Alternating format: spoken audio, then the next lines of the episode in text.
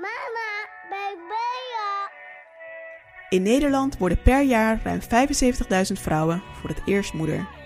Een aantal jaar geleden was ik daar een van. Net als de meerderheid van de vrouwen ging ik daarna weer ambitieus aan het werk. Maar het was moeilijker dan ik dacht en ik had het zwaar met alle verschillende petten die je als moeder tegenwoordig op hebt. Ik ben Charisse Promes en ik wil weten, kun je tegenwoordig als vrouw alles hebben? Hoe combineren moderne moeders kinderen met hun professionele dromen?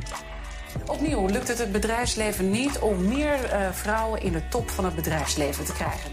Kijken werkende moeders anders tegen moederschap aan dan thuisblijfmoeders?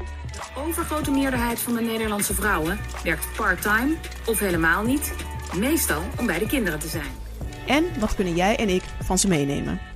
Je hoort het samen met mij in Topmoeders, de podcast.